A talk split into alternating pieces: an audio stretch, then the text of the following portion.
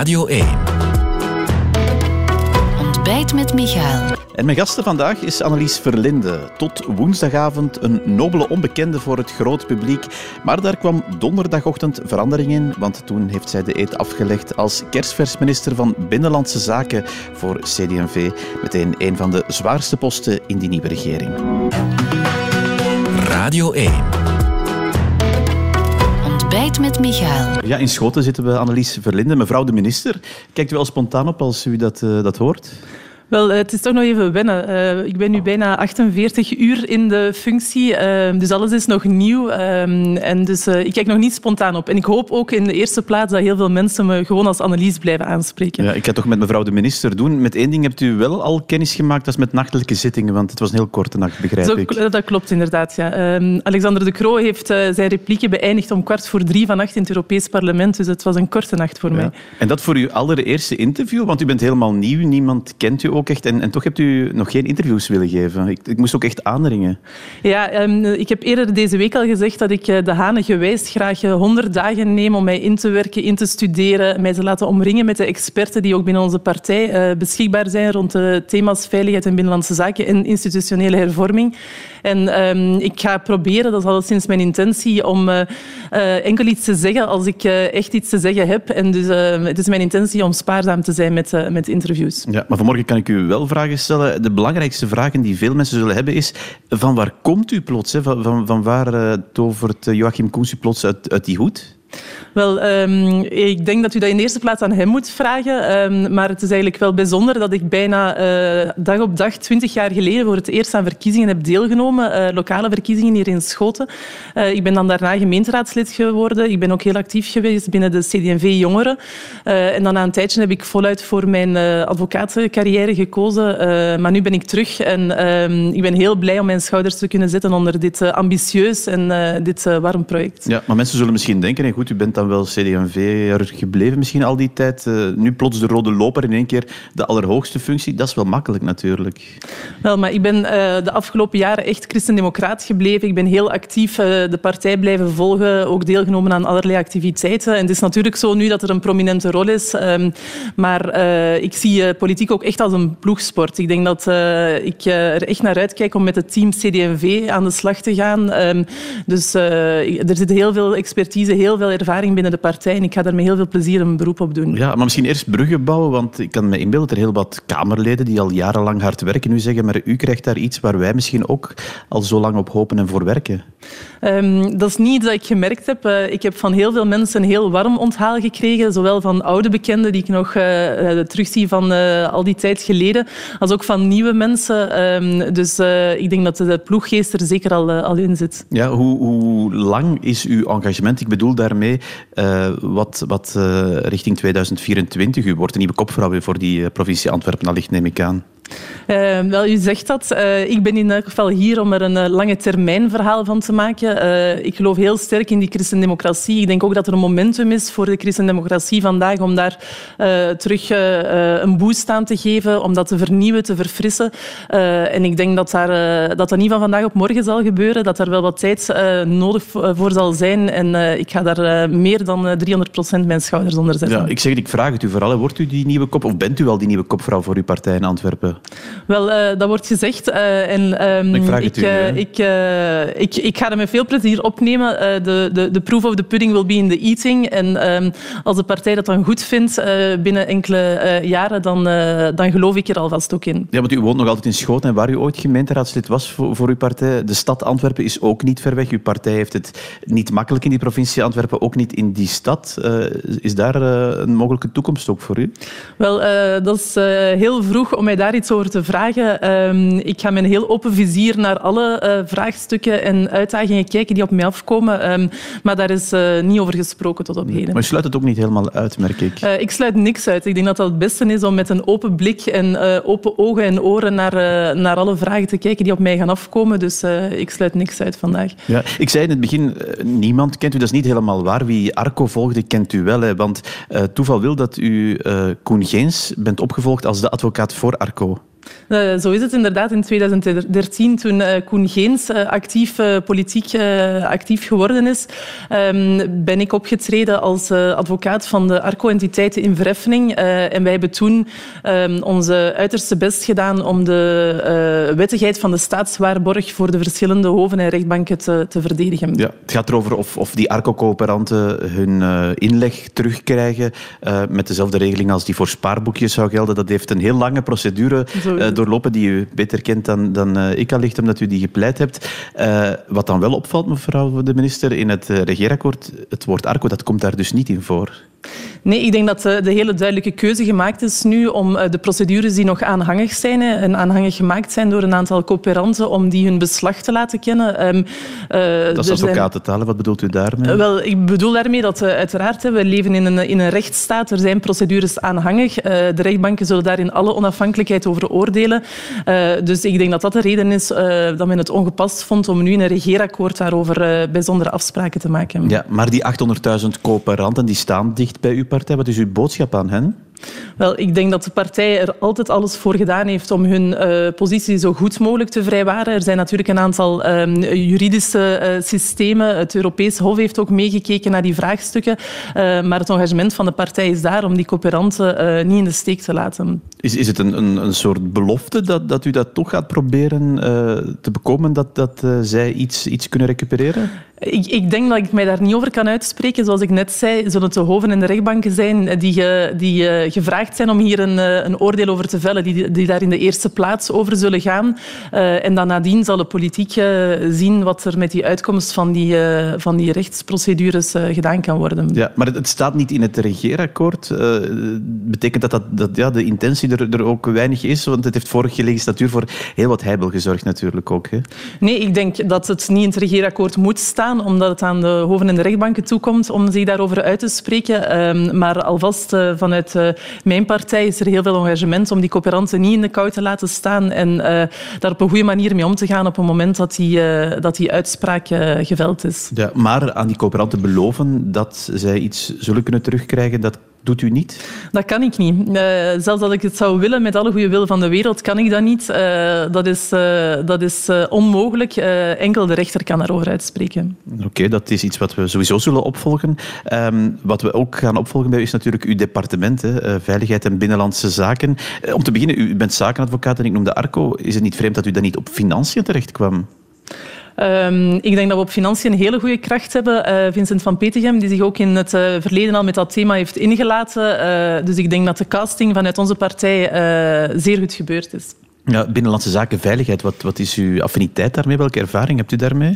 Ja, ik heb uh, als advocaat natuurlijk heel veel publiekrechtelijke domeinen opgevolgd. Dus uh, die uh, overheidscontext is mij niet vreemd. Um, maar voor wat aspecten betreft waar ik nog niet helemaal mee vertrouwd ben, ga ik mij ongelooflijk inwerken, al mijn energie inzetten om mij de komende dagen, weken te laten omringen, overleg te houden met alle actoren, de gouverneurs, de politie en de hulpdiensten. Um, en ik denk alleen maar zo kan je dat kan je dat dossier goed aanpakken. Ja, maar heel concreet, wat, wat, wat wil u in die vier jaar, zal het zijn, realiseren op dat departement? Ja, het, het is zo dat veiligheid natuurlijk een uitermate belangrijk thema is. Uh, zeker in de wereld waarin we vandaag leven. Uh, er is de gezondheid, er is terrorisme, er is uh, internetcriminaliteit. Um, dus ik denk dat het goed bewaken van de veiligheid er ook toe kan bijdragen dat het vertrouwen in de politiek kan hersteld dat, worden. Dat hebt u natuurlijk in handen. Um, ik, het regeerakkoord maakt daarin zeer uitgesproken en ook wel ongeziene keuzes in zaken investeringen die, die gaan gebeuren. In de eerste plaats is er een, eh, een, eh, ongeziene en unieke investering aangekondigd in het uh, bemannen en bevrouwen van de politiediensten en de hulpdiensten op het terrein. Dat is zeer belangrijk. Um, er wordt een jaarlijkse recrutering voorzien van 1600 uh, bijkomende politiemensen.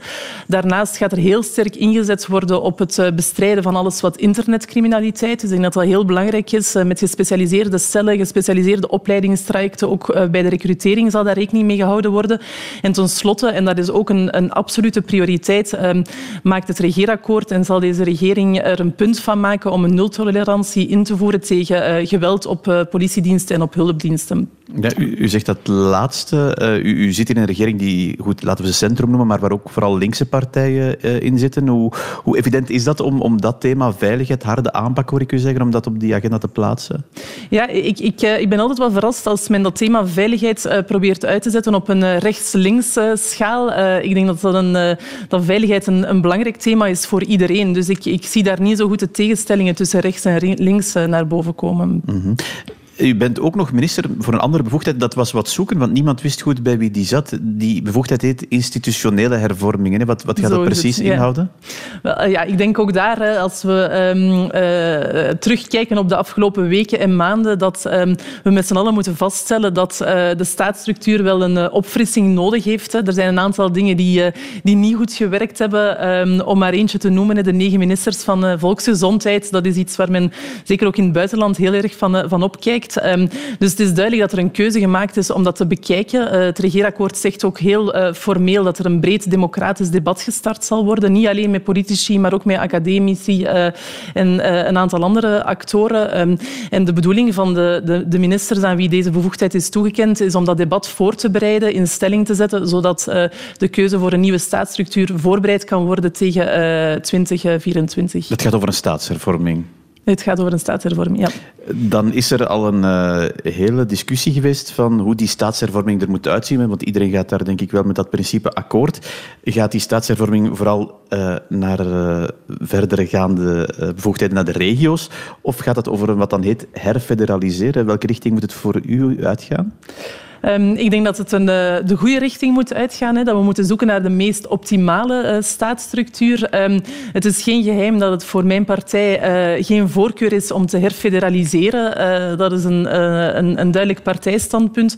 Maar um, ik vind dat er geen taboes kunnen zijn. Dat is ook het standpunt van onze partij. En we, het is ook maar respectvol om dat breed democratisch debat aan te gaan met een, opnieuw een open vizier en te luisteren naar alle standpunten die, die er zijn ik reik eh, bij deze dan ook eh, heel graag de hand naar de NVA om dat samen te doen. Ehm, uiteraard begrijp ik dat dat voor hen een zeer eh, gevoelig en belangrijk thema is. Dat is, is het overigens ook voor ons. wij gaan ervan uit dat met homogene bevoegdheidspakketten ehm, heel slagkrachtig en daadkrachtig bestuur en beleid kan gevoerd worden. Ehm, maar een debat kan je alleen maar voeren als je op voorhand geen assumpties en geen voorafnames maakt. En dat is ook duidelijk de benadering die we voorstaan. U zegt, ik krijg de hand naar de NVA om, om samen sterker te staan, want dat is dan wel de richting die u wil uitgaan naar meer bevoegdheden voor de regio's.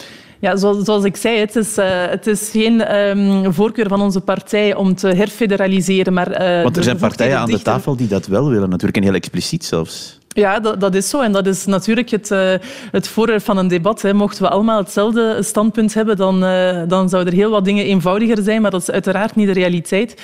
Uh, dus ik, ik kan alleen maar zeggen dat wij vandaag dat als standpunt hebben. Maar uit respect voor het debat gaan wij overal naar alle standpunten luisteren. Um, en het is belangrijk dat we finaal kunnen eindigen bij een, een daadkrachtig beleid, een daadkrachtige overheid met homogene pakketten. Um, waar bijvoorbeeld in gezondheidszorg het, uh, het curatieve en het uh, preventieve uh, gezondheidsbeleid op elkaar afgestemd kunnen worden, zo maximaal mogelijk. U, u, heeft het nu de hele tijd over het debat. Hè? Dat, dat, dat is die voorbereiding dan van ja. waar het naar moet toe gaan. Ja, hoe, hoe, hoe, ziet u dat de komende jaren dan?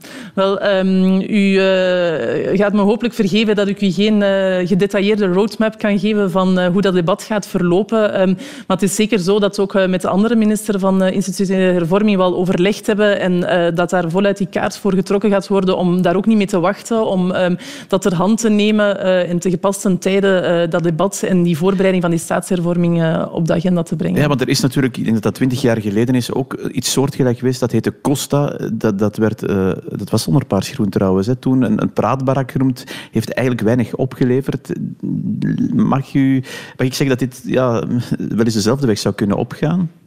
Um, ik, uh, ik, kan u niet uh, verwijten van naar het verleden te vergelijken, uh, maar de intentie en de hele goede wil is er om met dat debat iets te doen. Um, ik heb natuurlijk ook uit mijn professioneel verleden een grote liefde voor efficiëntie en voor niet palaveren om te palaveren en spinnen om te spinnen. dus dat is zeker niet iets waar ik zomaar een debat ga voeren voor, voor de galerij, maar het is de bedoeling om iets voor te bereiden en, en een mooi België België te maken. En België beter te maken, Vlaanderen beter te maken. Ehm, dus ik, ik zou het geen praatbarak durven noemen. Nee, en dat moet er dus liggen in 2024 voor u? Dat is de bedoeling, ja. ja. U gaat straks opnieuw naar het parlement? Zo is het, ja. De zitting is afgesloten, zoals ik zei, vannacht om kwart voor drie. En om drie uur vannacht vergaderen we op, om drie uur vanmiddag liever vergaderen we opnieuw in het Europees Parlement. Dat is een unieke setting.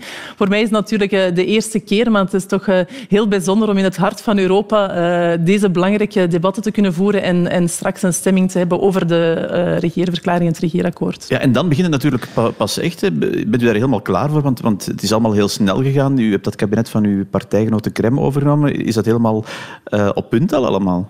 Ja, dat is natuurlijk een oefening die ik de komende dagen en weken zal maken. Uh, zoals ik al zei, ik ben heel blij dat er in de partij heel veel expertise is, heel veel men goede mensen um, die ook al hebben aangeboden om met mij mee te werken en een team te vormen. Dus het zou maar wat gek zijn om dat allemaal aan de kant te zetten. Um, en ik ga uh, ook met de andere bevoegdheden die ik nu heb gekregen mijn, mijn koers uitzetten. Maar um, ik ga daarvoor die 100 dagen nemen. Of nu exact 100 dagen zal zijn of niet, dat, dat kan ik nu niet voorspellen. Maar ik denk dat het zeer wijs is om met bevoegdheden als deze beslagen op het ijs te gaan en die voorbereidingen zo goed mogelijk te maken. We gaan u weinig horen de komende weken dan? Dat is de, de intentie. Hè. Ik, uh, ik ga er uiteraard staan wanneer het, uh, wanneer het zo moet, maar het is de intentie om te spreken op het moment dat ik mijn idee wat verder gevormd heb, het plan van aanpak wat verder heb uitgezet en, en te spreken als ik denk dat dat een toegevoegde waarde heeft. En, en niet zonder meer debatten en voorbereidingen in de media te voeren, maar eerder achter de schermen en, en mij in te lezen. Ik denk dat ook de enige manier is om daar geloofwaardig in te zijn. In elk geval, wij mochten vanmorgen bij u zijn voor uw allereerste interview. Dank u wel daarvoor, mevrouw de minister. Dit was Ontbijt met Michael, een podcast van Radio 1. Ontdek nog meer podcasts van Radio 1 in onze app en op radio1.be. Altijd benieuwd.